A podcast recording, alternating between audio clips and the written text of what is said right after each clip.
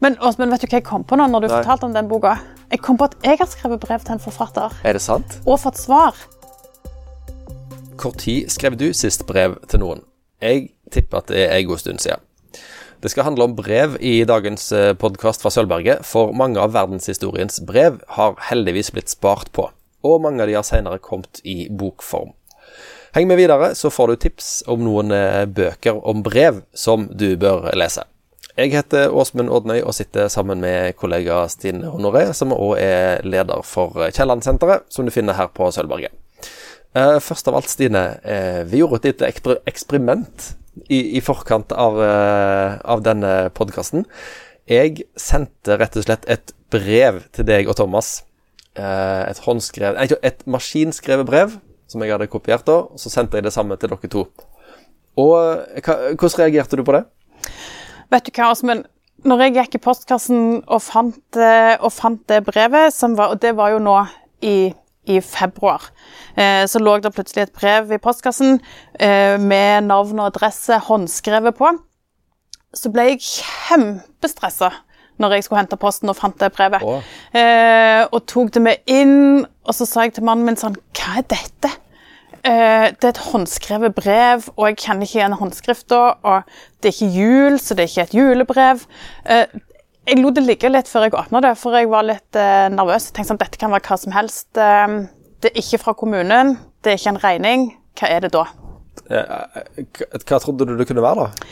Nei, jeg tenkte kanskje det var noen som tok kontakt med meg for eh, dårlig nytt, eller Det kunne jo vært en sånn rik onkel i Amerika òg, selvfølgelig, men eh, jeg følte ikke at det var det. Så, så, men når jeg eh, åpna det og så hva det var, og et maskinskrevet brev i tillegg, eh, for det er jo òg ganske retro og festlig, eh, så ble jeg kjempeglad. Jeg kan ikke huske sist jeg fikk et brev, så tusen takk, Åsmund. Jo, vær så god. vær så god. Det, var, det var litt av hensikten. Jeg, jeg skrev jo tydelig i det brevet at eh, jeg ber dere ta vare på den følelsen dere får av når dere liksom så dette brevet. Og din følelse var det angst og frykt? Det var angst og frykt. Uh, uro, ja. Tenkte noen, eh, noen skal fortelle meg eh, noe her som jeg kanskje ikke har lyst til å vite. Uh, så, men eh, det er jo veldig rart, fordi det er jo ikke så lenge siden jeg slutta å skrive brev og slutte å motta brev, og jeg har eh, hjemme på pikerommet hos far, det såkalte pikerommet, og hjemme i huset mitt på loftet, så har jeg mange, mange skoesker med brev. Og der er det jo eh, Der er det eh, reisebrev og brevvennbrev, og der er det noen kjærlighetsbrev og litt forskjellig. Ja, skal si. men jeg har spart på alt, da. Så spart på alle brev. Mm. Det, det er lurt. Det vil jeg eh, oppfordre deg til å fortsette med. Det er litt usikker, eh, vi får se, for nå skal jo vi snakke i dag om sånn brev som blir publisert. Ja, øh, men hvis du øh, Dette tar jeg bare for hukommelsen, men jeg mener å huske at Henrik Ibsen ga instrukser til sin øh, familie at brenn alt. Kvitt dere med alt som ligger igjen av brev etter meg. Ingenting skal være igjen. Sånn at alle som skal skrive om Ibsen i dag, kommer egentlig til litt sånn eh, skrint eh, bo. Ja, ok, ja, det kan godt være. Det vet jeg ikke, men det er jo ganske Hvis det sitter noen Ibsen-lyttere der ute og, og river seg i skjegget nå, så gi beskjed. Men dette mener jeg jeg har hørt at Ibsen Han var bevisst på dette. han ville ikke at noen skulle liksom eh, etteranalysere hans liv i form av brev som han hadde eh, fått, eller som brev som var i hans eie. Ja. Eh, det er jo mange kjente personer eh, som ber om at brevene skal brennes eller destrueres, eh, enten når de er mottatt eller eh, når vedkommende dør. Eh, og det er vel òg etterkommere etter kjente personer som nok har valgt selv å destruere brev for at de ikke skal nå ut til offentligheten. Og det er jo klart at det, det er jo enormt mye viktige personlige informasjon. Det er veldig intimt eh, med brev, og det er veldig personlig, og det er jo på en måte meint eh, for én person, altså mottakeren av brevet. Du føler deg litt som en kikker, syns jeg, når du leser andre jeg sine synes brev. Hvis du er berømt forfatter, eller slektning av berømt forfatter, så kan ikke du da i det minste si OK, jeg gir alle brevene til eh, Nasjonalbiblioteket, og ingen får åpne de før om 100 år. Da er alle folk døde likevel. Da, Da gjør det er ingenting, det ja. Herlighet. Hvem, hva Ibsen holdt på med, det, og etterkommerne av alle disse folkene her, er jo ikke med oss. Det er så langt bak at skit i. Ja, tenker jeg. jeg synes jo eh, det er veldig interessant med brev, for det er en veldig interessant kilde både, både til historie og til, til samtiden, altså til den tida en, en forfatter eller en kunstner eh, levde i, f.eks. Eh, men men eh, av og til når jeg, sånn som Noen av de brevene jeg har lest for å forberede denne podkasten, kjente jeg at det, det ble litt for mye for meg. Det ble litt for privat og litt for personlig, og jeg kjente at det kanskje farga mitt inntrykk av vedkommende i negativ eh, retning, da. Ja. Så det er jo litt både òg. Så jeg skjønner jo at, um, at, uh, at noen kanskje ønsker å, å ikke bevare alle brev, mm. eller, at det, eller at noen eh, sine etterkommere tenker sånn Uff, det er ikke sånn vi vil at mora vår skal bli huska. Nei, sant det. Men samtidig så er jo brev har jo dette med seg at når du har sendt det, så er det ikke ditt lenger. Altså sånn, Hvis du sender e-post, så har du jo en kopi sant, av det du har sendt, men det som jeg sendte til deg og Thomas Jeg husker kanskje litt av det som står der, men jeg har, jeg har ingen kopi sjøl. Så det var det jeg kom på den formiddagen. Uh, og nå er det Dere har det. Dere kan, eh, dere kan lese det høyt til juleselskap og le av det. Dere kan fyre opp i peisen. Det er ikke min business lenger. Nei, det vet du ingenting om hva meg- som kommer til å skje med det brevet. Jeg vet ingenting, Nei. og det er en del av dealen med et brev, da. Jeg kan ikke si 'Stine, det brevet jeg sendte deg, det vil jeg gjerne ha tilbake igjen når du har lest det'. Ja, men noen av de tingene som du snakker om nå, det tror jeg vi kommer til å komme inn på senere eh, i løpet av denne samtalen, faktisk. Ja. Eh, Mm. Så bra. Um, jeg har gjort litt research, jeg òg, og fant ut at uh, verden, verdens eldste, eldste postsystem Kan du tenke deg hvilket land som uh, har det? Eller som påstås å ha det eldste postsystemet? Det eldste postsystemet, det tipper jeg kanskje kan være eh, papyrusruller i Egypt. Det er helt Ja, rett. er det sant? Ifølge Ja. det store internettet så, så hadde egypterne en postservice som eh, kan dateres tilbake til år 2000 før Kristus. Så, så langt tilbake i tid? Ja. Yes. Eh, De er nok ikke ubrutt i rekke siden det. Jeg tror ikke de har på en måte Det har nok vært opphold, men allerede da begynte de å sende ting rundt. Og eh, Romerriket selvfølgelig hadde òg eh, postsystem som var veldig godt utvikla. Eh, jeg fant en artikkel fra 1955 av en britisk professor, og han sa at den typiske farten som, som post bevegte seg på i Romerriket, sånn veldig roughly, det var ca. 80 km per dag. Det er jo kjempemye. Det syns jeg òg. Det er jo mer enn eh, mer enn kanskje Posten i dag. Ja, altså, jeg postla det her på en lørdag, og fikk jeg tekstmelding fra deg på en uh, torsdag. Ja. Takk for brev. Ja. Romerne uh, hadde fnyst av dagens uh, norske postgang. Bring har ingenting å stille opp med mot papyrusrullene i, i Egypt. Kurerer med en sånn dødsstraff hengende over hodet hvis ikke dette brevet kom fram til Stine innen kort tid. Så. Men det var veldig opplysende, for jeg har tenkt på Jeg har jo lest mye brev fra 1800-tallet, Mm. eh, og da har jeg tenkt på hvordan de eh, de skriver til hverandre på kryss og tvers av Europa. Når de er på reise, så sender de brev, og så virker det som om de brevene kommer veldig fort fram. Og så f.eks. for eksempel Alexander Kielland, da når han var på reise i Middelhavet, så, så mottok han brev fra familien, for da kunne han bare si sånn Neste uke så er jeg i Konstantinopel, og da Mm. skal jeg bo på det og det hotellet, så da kan dere sende posten der. Ja. Ja. Vi skal eh, raskt over til Kielland, som du nå introduserte så fint. Han var jo en enorm eh, brevskriver, kan en si. Mm. Selv etter sin tids målestokk, som jo er 1800-tallet, hvor folk eh, skrev mye brev. Hvor, hvor mange brev skrev Kielland, sånn cirka, tror du? Jeg, jeg aner ikke hvor mange brev eh, han skrev, men, men jeg vet at det er rundt 2000 eh, av hans brev som er bevart, faktisk. Wow. Og mange av de er gitt ut i ulike, i ulike samlinger, ulike utgaver. Og senest nå i fjor så dukket det opp eh, noen nye brev eh, som hadde vært i privat eie, som et auksjonshus her i Norge fikk fra Danmark, som de la ut for salg. Og det var noen brev som Kielland hadde skrevet til en, til en dansk kaptein som ønsker noen sånn tips om diktning og hvordan han skulle gå fram for å bli forfatter. Så da har jo de brevene ligget i et eller annet, i et loft eller i noen skuffer en plass, og så har de blitt funnet nå. Eh, 115 år etter at han døde. En slags sånn fanpost til Kielland fra en, en, en som hadde lyst til å bli forfatter sjøl? Jeg tror de hadde møtt hverandre. Kielland var jo mye i Danmark, så jeg tror de hadde møtt hverandre, så hadde de sikkert snakket om, om diktning og om litteratur, og så, og så har de brevveksla, da, og så, og så har Kielland kommet med noen sånne tips til hvordan, hvordan denne her kapteinen skulle, skulle eh, bli eh, forfatter. Mm. Det, var, det, var, stort av han. Mm. Men han, han, eh, jeg tror han må ha brukt veldig, veldig mye tid på å skrive brev. Det tenker jeg òg. Ja, for hva, er, er Kielland i, i, noen særstilling i, i norsk sammenheng her, sammenlignet sammenligna med andre forfattere som var, holdt på samtidig? Bjørnson skrev jo enormt mye brev, har jeg skjønt. Mm, jeg tror Kielland eh, blir vel regna som den fremste brevskriveren i Norge. Og han mente jo sjøl òg at, at, brevene var en del av hans litterære produksjon. At ikke det bare var korrespondanse, men at det òg var litteratur. Og det er jo litt interessant med brev, altså personlige brev, at de på en måte befinner seg litt i skjæringspunktet mellom personlig korrespondanse, sakprosa, essay og litteratur. Altså det er litt sånn det er en sånn hybridsjanger. Vil du si at han skriver for et publikum, når han da skriver til en person? Ja, kan du lese i, i, teksten hans at uh, dette her er egentlig mynta på en offentlighet? Eh, ja, altså både òg, tenker jeg. For han skrev eh, med veldig mange eh, forskjellige mennesker gjennom, eh, gjennom, livet. Han skrev jo med familien sin, han skrev med søsknene og med, veldig mye med søster og Kitty Kielland. Eh, og så skrev han med ungene og med kona og med tanter og onkler og sånn.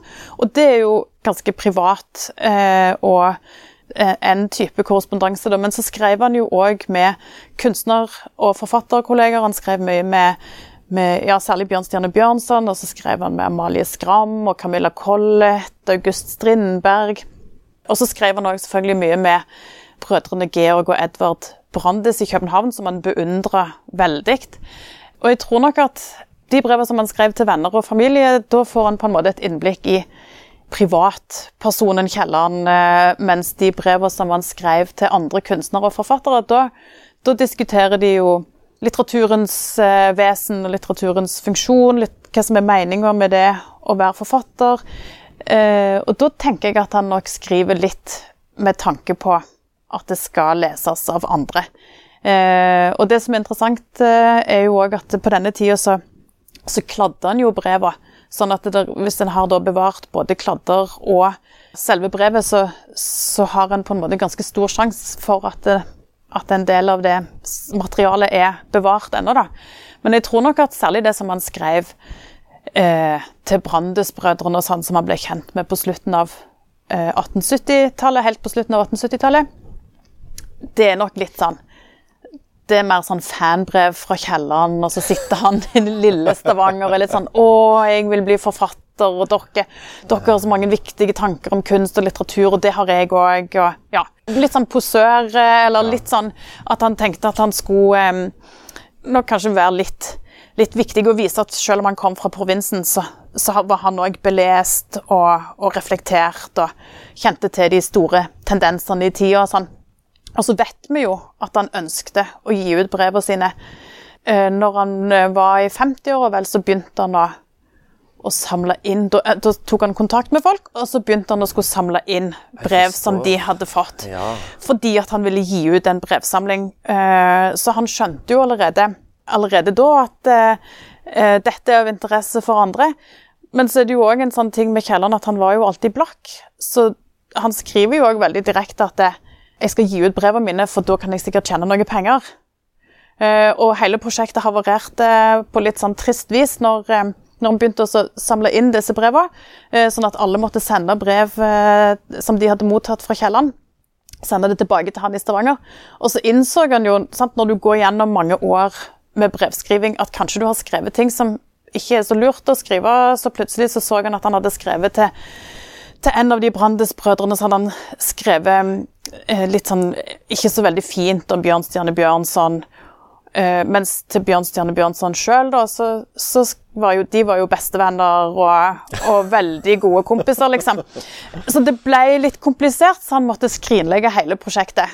Dette riper litt opp i min Kielland-forestilling om han som er liksom sannheten overalt og uh, være litt sånn uh, rufsete og røff i kantene og si ting som det er, og så ble han litt sånn flau fordi han hadde Ja. baksnakka Bjørnson. Mm, han har baksnakka Bjørnson, og senere så fant jo Bjørnson ut av det. Eh, Og han, og da- han var ikke en som tok lett på fornærmelser. Eh, nei, nei, han gjorde jo ikke det. Og, da, og, da, og han var kjempeglad i Kielland, eh, Bjørnson. Han, han var jo liksom han, han var jo en slags sånn mentor for, eh, for Kielland og, og var veldig eh, De var veldig nær. Og så, og så sier Bjørn Sander sånn han, Men han, han holdt ikke av meg, sier Bjørnson når han funnet ut hva Kielland har skrevet. Um, og så er han kjempefornærma, og så må Kielland begynne å skrive sånn Nei, jeg mente det ikke sånn, og det var ikke sånn jeg hadde. Ja. Mm. Ja. Så litt sånn konflikt ble det bare ut av det. Ja. Mm. ja. Og vi har, jo har jo hatt en, en podkastepisode før eh, om et annet, et annet pengeforsøk som Kielland hadde når han skulle skrive sjølbiografi. På et tidspunkt. Det ble jo ingenting av. Mm. Det gikk heller Det- så bra. Det ble noen skisser som ble liggende i skuff i Ja. Mm. 100, nesten 100 år før de ble, kom til overflaten. Eh, Den episoden eh, kan vi linke til i beskrivelsen på denne episoden her. Um, Kielland er jo kjent for at han hadde en ganske kort eh, skjønnlitterær periode. sant? Det er noen ti år cirka, hvor han skriver veldig mye, og så er det tomt. Men brevskrivingen, fortsatte han med den eh, sjøl etter dette, mot slutten av livet òg? Den eh, fortsatte han med helt, helt til det siste. Og det er jo det som er så fint med de brevene til Kielland, at du kan på en måte følge han fra fra han er ung mann som flytter fra Stavanger, ferdig på, på Kongsgård skole, flytter til Kristiania for å studere juss. Eh, skriver brev til familien hjemme i Stavanger og til kompisene sine her. Og så, og så får en følge han da gjennom hele livet som, som teglverkseier og som forfatter, og når han er på reise. Eh, det litt sånn triste året når han var redaktør i Stavanger Avis, og senere borgermesterperioden, og så da til slutt eh, når han var amtmann i Molde, helt på slutten av livet. Så du får på en måte hele Det ble jo nesten som en slags eh, litterær dagbok på mange måter. Ja. Eh, for da får en høre om unger som blir født, og bøker som blir gitt ut, og jobber han har og ikke har, og pengesorger og alle disse tingene. Ekteskapet. Og det siste brevet er jo datert bare noen få dager før han dør. Så han var på sykehus i Bergen og var Ja. veldig syk. Eh, og så skriver han bl.a. til dattera, Beate, eller Baby, som han kalte henne, at eh, ja, nå er jeg ikke frisk. Jeg er ikke Ja. i form. Og så vet jo vi at, det, Ja. at, eh, at han døde bare noen få uker etter det. Mm. Men eh, i det, det siste brevet han skrev, da, er det på en måte noen eh, famous last words? Eller eh, får du inntrykk av at Kielland bare tenker at han skal komme seg igjen? Nei, han tenker at han skal komme seg igjen, for han hadde jo vært syk ganske lenge og var litt sånn inn og ut av det sykehuset i Bergen eh, Ja. ofte. Eh, så, så han eh, Jeg tror ikke han tenkte tar at han han tar ikke noe farvel med verden, på en måte, i brev? Nei, eller ikke som vi vet. Men det kan jo være at det er noen brev eh, som, som ikke er bevart, eller som ikke er publisert. Det er mange brev eh, ennå som ikke er publisert, som, som ligger på Nasjonalbiblioteket, både i, i Oslo og i København. faktisk Det Kongelige biblioteket i København har mange av Kielland sine brev. Nettopp. ja. Mm. Så Kielland sine brev er på en måte en kilde som uh, virker å ikke gå tom, på en måte. Det kan alltid komme noen nye brev Ja, eh, ja. til overflaten. Jeg tenkte jo litt eh, når de brevene kom eh, nå i fjor, da plutselig dukket opp nye brev, så tenkte jeg sånn Å ja, det kan jo være at noen en eller annen plass sitter på en sånn brevskatt eh, som, som de ikke Ja, altså det, eh, det kan jo være i, her i Rogaland til og med, Mm. eh, hvor han jo opererte store deler av livet. Og Slektene finnes jo fortsatt, og eh, loftene finnes der ennå. Så, Så kanskje hvis det er noen som hører på, som har noen eh, brev av eh, Kielland eller andre eh, lokale forfattere, så er det jo bare å det hadde vært stas. Mm. Men får du et annet bilde av Kielland når du leser brevene hans, eller enn når du leser de skjønnlitterære verkene? Ja, absolutt. Og jeg tenkte at jeg skulle Hvis jeg kan lese noe Fordi at Jeg tenker at du blir mye mer kjent med mennesket Kielland når du leser brevet. For han skriver jo om at han er forelska, og han er kanskje òg eh, Ikke alltid forelska i kona, men kanskje forelska, eller i hvert fall betatt av noen andre. Og så, og så skriver han jo mye med ungene sine. Han hadde fire barn skriver mye med de, og de brevene er så utrolig fine, fordi at eh, han er så eh, Han er, viser seg som en sånn kjempekjærlig far. Han er veldig bekymra for ungene hele veien, veldig urolig for om de har det bra, og sier hele veien hvor glad han er i de, og, og hvor mye han tenker på de og savner de, og hvor bekymra han er for at, det, de ikke har penger, eller at de ikke har varme nok klær. eller sånn. Han, når han bodde i Frankrike, så bodde de to sønnene i Oslo og gikk på skole. og da var de under konfirmasjonsalder, og da skriver han sånn dere må ikke kjøpe øl og kun en sigarett til dagen, eh, skriver han. Han, jeg vet ikke om han hadde så mye autoritet på det feltet. Eh, nei. Og ikke hengi seg til livets uh, gleder. Nei, og vi vet jo ikke helt om de sønnene tok de formaningene på alvor heller. Eh, men, men bare eh, veldig kort tid etter at han døde, da, så i, eh, han døde i 1906, og i 1909 så ga dattera Beate, eller Baby som han kalte henne, ga ut eh, samlingen eh, Alexander Kielland, 'Brevet til hans datter'. Og så skriver hun i, eh, i forordet noe som jeg tenker sier litt om motivasjonen for at folk gir ut sine private brev. da.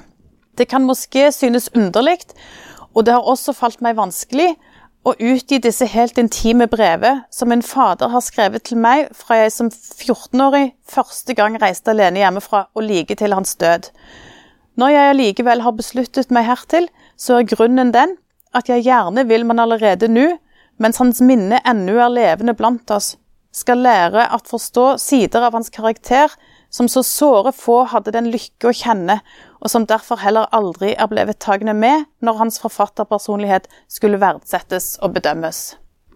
Ja, så det er litt for å vise en, eh, en mykere Kielland, mm. kan jeg si det sånn? Mm. Ja, og vise, vise, den som han var for familien og nære venner. Han var jo en veldig sånn omsorgsfull far, og han var òg en veldig omsorgsfull venn. Eh, og holdt jo kontakt med barndomsvennene sine hele livet, og, og var alltid veldig, eh, veldig oppmerksom og veldig tenkte på alle rundt seg. Så jeg tror nok at de brevene viser litt annen side enn den, den, litt sånn krasse, samfunnskritiske forfatteren. Eh. Folk har jo flere sider. og... Offentligheten har gjerne bare plass til én av dem. Ja. Altså, du får, en, du får et stempel på deg, og det er liksom den offentlige personen. Kielland var sånn. Mm. Jeg tenker, eh, har, der er, der er denne her brevet til hans datter, og så er det brevet til hans sønner, som sønnene ga ut allerede året etter at han døde. Eh, og når jeg leser de brevene, så, så, tenker jeg at han var liksom eh, kanskje en litt sånn utypisk mann for sin tid. At han var veldig sånn myk. Veldig myk mann og veldig eh, engasjert i familielivet eh, på en helt annen måte enn det som, som eh, vi kanskje har inntrykk av når vi bare ser han som en historisk person. da. Eh, og, som, og kanskje noe helt annet enn det en forventer av en mann eh, på 1800-tallet. Mm. og når jeg leser de brevene, så kjenner jeg igjen de følelsene og de bekymringene han har overfor ungene sine.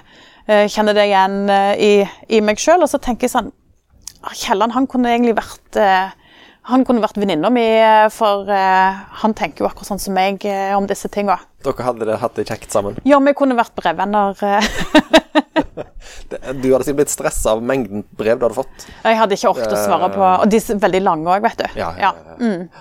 Vi skal over til litt andre bøker om brev som du har med deg, for du har jo gått dypt inn i dette temaet, som du alltid gjør. Mm. Hva, hva, mer har du lest om brev? Eh, jeg har lest eh, jeg, har lest eh, jeg har lest noen brev, da. Eh, for jeg lurte på hva Eh, hva jeg skulle lese utenom Kielland til dette her. Og da valgte jeg å lese ei bok som er brevvekslingen mellom Sigrid Undset og hennes brevvenninne Dea, som heter Dea Hedberg som er en svensk, svensk 16-åring som, som, Sigrid Undset altså De var 16 begge to, og så begynte de å brevveksle som en slags sånn kulturutveksling, oh, ja. på en måte. Ja. ja. Det var et sånn prosjekt, tror jeg, som en hadde i Skandinavia. Eh, eh, at du skulle bli kjent med andre på din egen alder. Og da ble Sigrid Undset eh, tildelt denne her eh, Dea Hedberg, som, som, bodde i Malmö, var det vel. Og de var brevvenner i over 40 år. Altså fra de var 16 og til ja. eh, godt opp i livet. Um, Så berømmelsen gjorde ingenting med det? De fortsatte å holde kontakt? Eh, de fortsatte å holde kontakt, men litt sånn sporadisk. Eh, og så har jeg lest de brevene, og så har jeg òg lest ei bok som kom i fjor. Eh, som er en historiker som heter Kristine Myrvang, som har skrevet en bok som heter 'Tause kilders tale'. Der hun på en måte har gått inn i brevvekslingen mellom de her to eh, kvinnene og og sett på det med et litt nytt blikk. Og da kommer vi tilbake til det som, som vi snakket om med brev som blir ødelagt og sånn. Eh, for denne historikeren skulle egentlig forske på kvinner på kontor. Og Sigrid Undset hun jobbet på kontor når hun var ung. Hun var kontorist, og hun hata det. Eh, så Derfor så begynte den Kristine Myrvang også å lese brevene hennes som kilde til hvordan det var å være kvinne på kontor på begynnelsen av 1900-tallet. Men så begynte hun å stusse litt over at det var en del brev som mangla i den korrespondansen. At det var noen år som var utelatt, og at det var noe Hun syntes det var noe mystisk der. Og tause kilders tale, det er da de brevene som mangler. Det er de tause kildene. Jaha. Hvordan går du, går du løs på tolkning av noe som eh, ikke er der? Eh, ja, det, altså, det er noe historikere holder på med, det er jeg litt usikker på. Men ifølge historikerne så kan, kan tause kilder si veldig mye. Men den tradisjonelle lesningen av eh, brevvekslingen mellom Sigrid og Dea da, er at eh, det er på en måte en sånn eh, en sånn innføring i den unge Sigrid Undset sitt liv og veien mot forfatterskap og sånn. Hun skriver hun skriver om, om ensomhet om utenforskap. og eh, Søstrene likte å gå på ball, men det likte ikke Sigrid. Hun ville være hjemme og lese bøker og drømte om å bli forfatter. Så, så de brevene har bare vært eh, eh regna som et sånt innblikk i den unge Sigrid Undsets liv. Og òg da de brevveksler jo i 40 år, men det er kanskje de, de første åra som har vært mest interessante. Og jeg, jeg er ikke sånn kjempe dedikert Sigrid Undset-fans. Og for meg så var dette litt sånn eh, veldig sånn ungpikebrev. Eh, sånn, altså når du er 16 år, så, så, skriver du kanskje litt umodent, og det er veldig sånn de, de, snakker om forelskelse og kjærlighet og Ja. Men det er jo litt Det er jo interessant å lese når en vet hva som kommer til å skje, så er det jo interessant når Sigrid Undset skriver sånn 'Uff, jeg sitter på dette kontoret, og det er så forferdelig', og 'sjefen min er en brødlape, og dette er så kjedelig'. Eh, jeg tror aldri jeg kommer til å bli forfatter. Og så vet vi jo at det er ikke så mange år senere at du faktisk vinner nobelprisen i litteratur. Eh, så det er jo litt sånn eh, Det er jo litt interessant. Men det som er med den her dette verket som kom i fjor, da, som er en nytolkning av, eh, av mm. brevene, det er det at eh, Kristine Myrvang mener at, eh, at hun Dea Hedberg var Sigrid Undset sin store uforløste kjærlighet, og at egentlig så eh, var Sigrid Undset forelska og betatt av Dea, og at hun egentlig kanskje elska kvinner, og eh, at det da kaster et helt nytt lys over hele forfatterskapet. Så hun har lest eh, Sigrid Undset. Etter å ha lest den brevvekslingen, så har hun lest hele forfatterskapet med det som hun kaller for skeive briller. Eh, på jakt etter homoerotiske motiver og tema i forfatterskapet. Og så mener hun da at med det som utgangspunkt så kan du lese alt på en helt ny måte.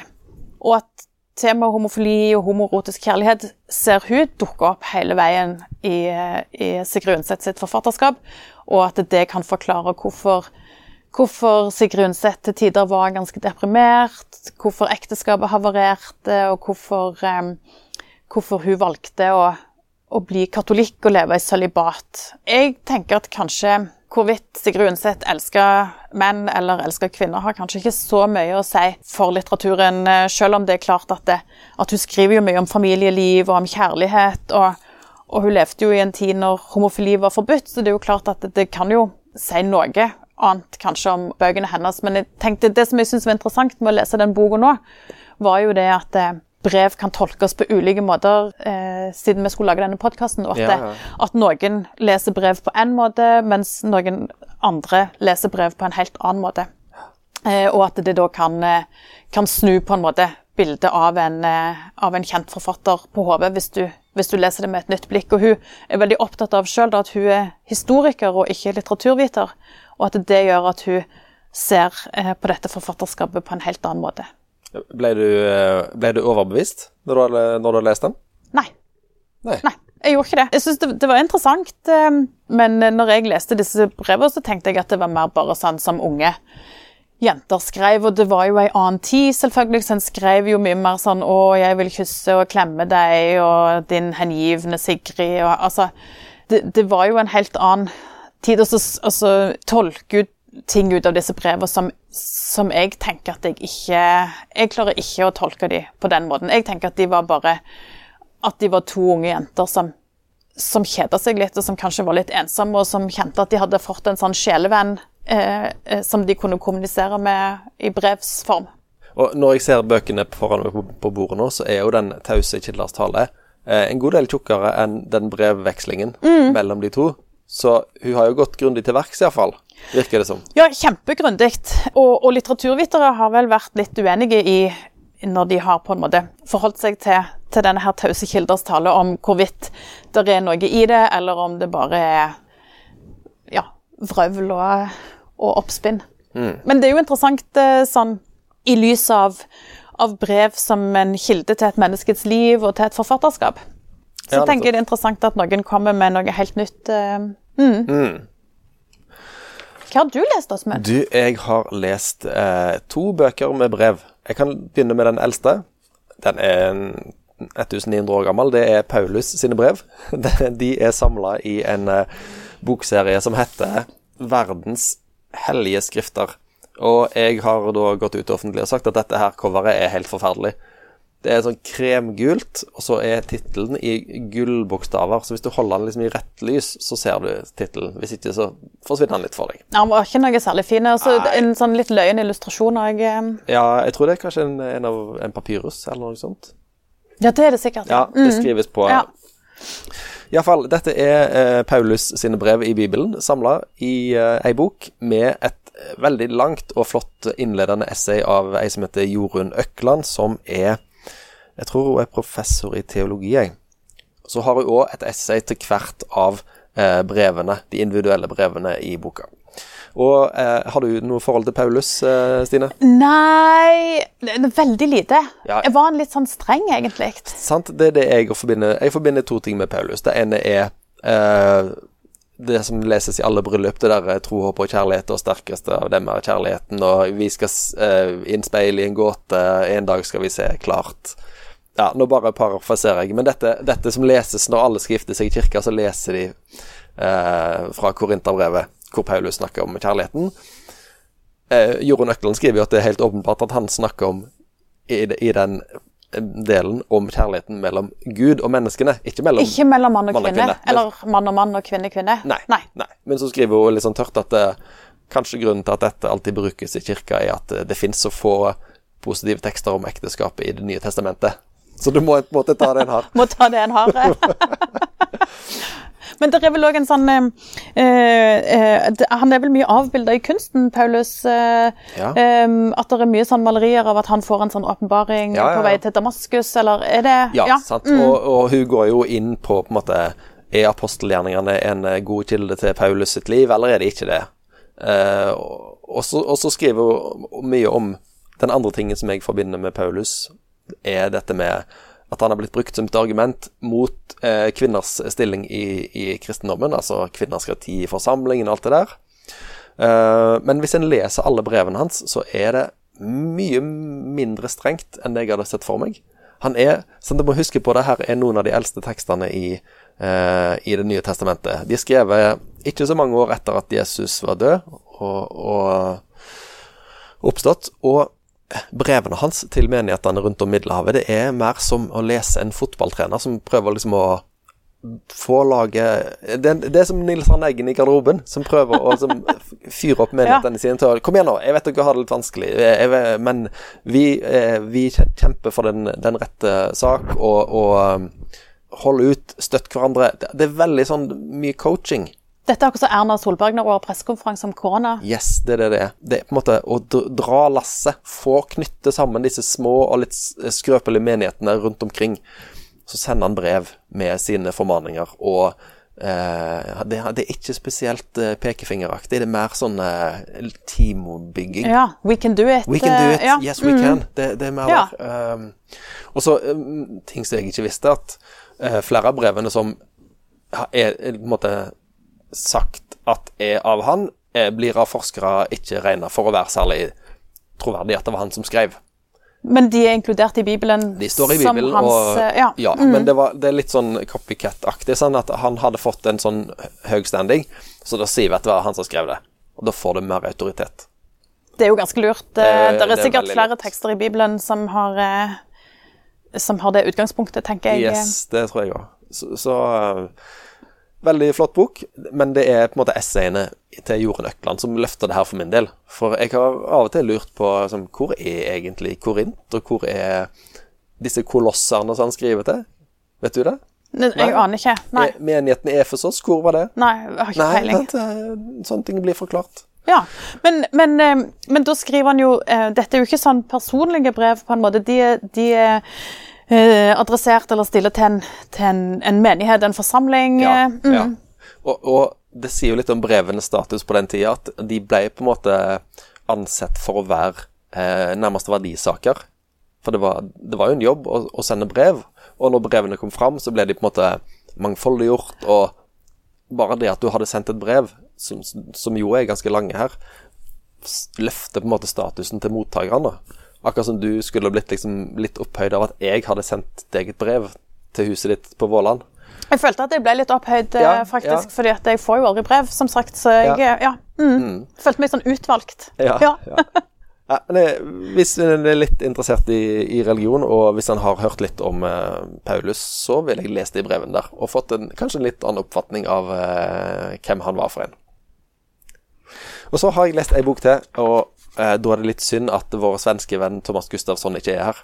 For det er jo ei bok av eh, Astrid Lindgren og Sara Svart. Ja, den er jeg veldig spent på, men uh, Den, eh, jeg var og tråla hyllene og fant den, og den eh, har ikke vært utlånt før, tror jeg. Men det, det var litt skriverier om han når han kom i 2012. Det er altså Sara Svart, som da i 1971 er tolv år gammel, finner adressen til Astrid Lindgren, for den har stått i et blad, visstnok. Det var på den tida kjendisene sine adresser kunne du sto oppgitt i, i et eller annet magasin. Og så har hun da sendt brev til Astrid Lindgren i 1971. Hei, Astrid Lindgren. Jeg heter Saga, Sara La Jungkrantz og gifta seg senere, da. Jeg er tolv år. Jeg vil bli skuespillerske. Eh, Det er på en måte starten, og så fortsetter det med at hun sier at de som har spilt i Pippi-filmene, var dritdårlige. De var helt elendige. Og så har jeg hørt at Og så har jeg eh, så har hun også sett Karlsson på taket på TV, og dårligere skuespillere har du aldri sett før. er veldig kritiske tolvåring. Veldig kjempekritisk tolvåring. Ikke noe smiskebrev. Nei. Eh, og så har hun liksom lange eh, biter av brevet sitt som er sånn som dette, med bare store bokstaver. Ja. Hvor hun, målet med at hun skriver til Astrid, Ling, Astrid Lindgren, er at eh, hun håper at Lindgren kan fikse en filmrolle til henne. For målet er å bli det er derfor hun er så kritisk til de andre De er dritt, jeg er knallbra, gi meg jobb. God taktikk. ja. ja. Ja, og så svarer Astrid Lindgren på dette. Og de skriver til hverandre sånn av og på, eh, helt fram til Lindgren dør i 2002. Det er veldig koselig. Veldig koselig, og en følger jo denne tolvåringen og etter hvert tenåring og voksne kvinnen sin eh, utvikling. I begynnelsen så er hun jo et litt sånn uh, løvetannbarn. Hun er inne og ute av noen institusjoner. Hun har eh, har forskjellige ting i livet sitt som ikke er bra. Eh, Lindgren sin svar er jo viser på en måte hennes mesterskap i det der med å ta barn på alvor, da. Hun skriver ikke sånn veldig sånn koselig eh, sånn eh, klappe på hodet-svar, men hun skriver tar denne Sara på fullt alvor og beholder på en måte en slags sånn utjevnende faktor da, i den korrespondansen der. Så, og veldig fine ting, altså. Og vi får følge Sara fra hun ja, slutter på skolen, og så drar hun litt utenlands, og så på et tidspunkt på slutten av 70-tallet så blir hun frelst. Etter å ha gått på bibelskole, og i flere brev, så jobber hun knallhardt for å få Astrid Lindgren til å bli en, eh, en sterkt troende. og, og ikke minst at du trekker fram liksom, det hun leser som veldig kristne trekk i f.eks. Brødrene Løvehjerte og Mio min Mio. Ja, så du prøver å overbevise Astrid Lindgren om at, at hun som forfatter allerede på en måte egentlig Yes, Ja. du er sterkt inne i Bibelen allerede. Ja. Mm. Her er det bare å ta siste steg, og så Jeg vet ikke hva tror Astrid Lindgren hadde, men eh, hun svarer fint på det òg, altså. Den eneste gangen Lindgren er litt sånn tydelig voksen person her, eller sånn streng voksen person, det er når eh, Sara forteller om at eh, det, når hun er sånn 14 år, at det er blitt så tøft på skolen hennes å røyke.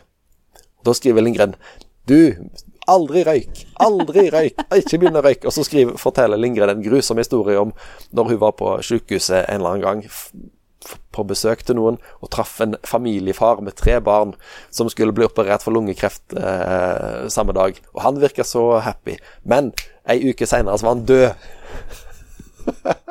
Jeg håper ikke Sara begynte å røyke Det går ikke helt klart fram. Jeg tror kanskje ikke hun gjorde det. Nei. Hun ble veldig, veldig ehm, eh, Kom veldig i vater etter hvert, ja. altså. Men ble hun skuespiller? Det tror jeg ikke. Nei. Jeg tror hun eh, har en helt vanlig jobb eh, med noen unger og Ja, men det er sikkert er- best. eh, Ja, jeg, jeg tror ikke hun ble skuespiller. Nei. Men Åsmund, vet du hva jeg kom på nå når du Nei. fortalte om den boka? Jeg kom på at jeg har skrevet brev til en forfatter Er det sant? og fått svar. Oi. Og det har jeg glemt helt av. Men uh, når jeg var 16 Nå er jeg spent. Jeg har fortrengt dette litt. Um, Ja. Når jeg var 16 og gikk eh, første år på videregående, så skulle vi tolke uh, Vi skulle ha dikttolkning, og da skulle vi tolke 'Ord over grind' av Haldis Moren Vesaas. Uh, og så skulle jeg jobbe med det Med den oppgaven skulle jeg jobbe sammen med uh, en lokal forfatter som heter Janne Stigen Drangsholt. Eh, for vi gikk i samme klasse, og vi skulle tolke dette diktet. Og det var òg det at vi skulle skrive nynorsk, eh, som vi syntes var litt vanskelig.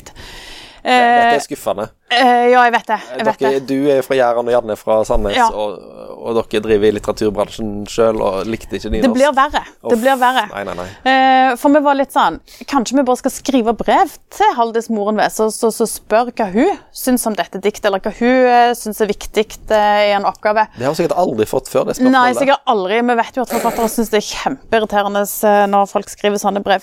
Vi var 16, syntes det var en god idé. Skrev. Eh, fikk jo ikke svar, da. Tolka diktet på nynorsk.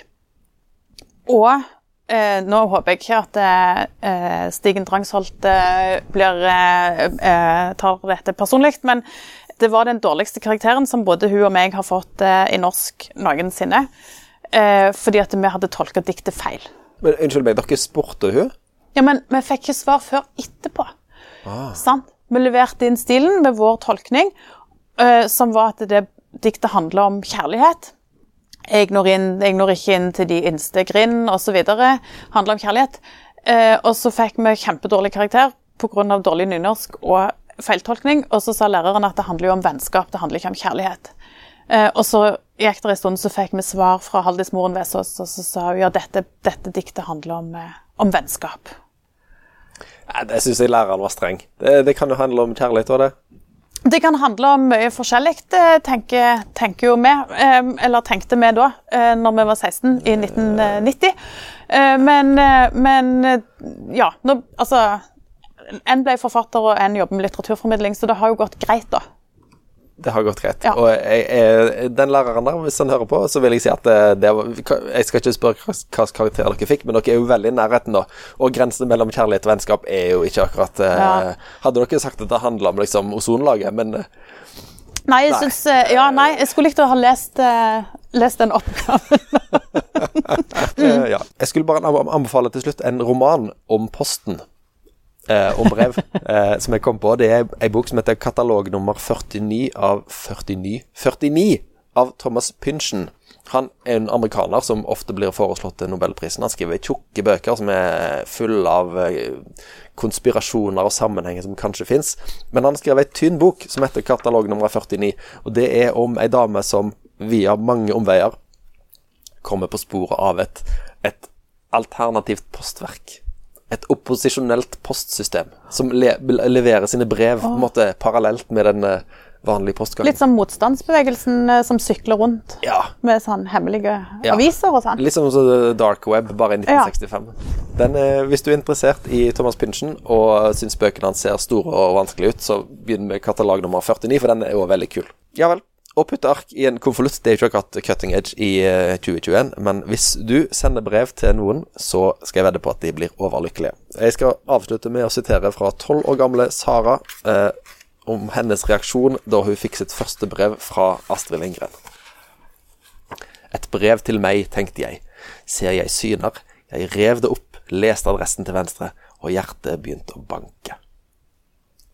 Sånn var det når jeg fikk brev fra deg òg, Thomas. Nei, eh, Åsmund. sånn var det når jeg fikk brev fra deg.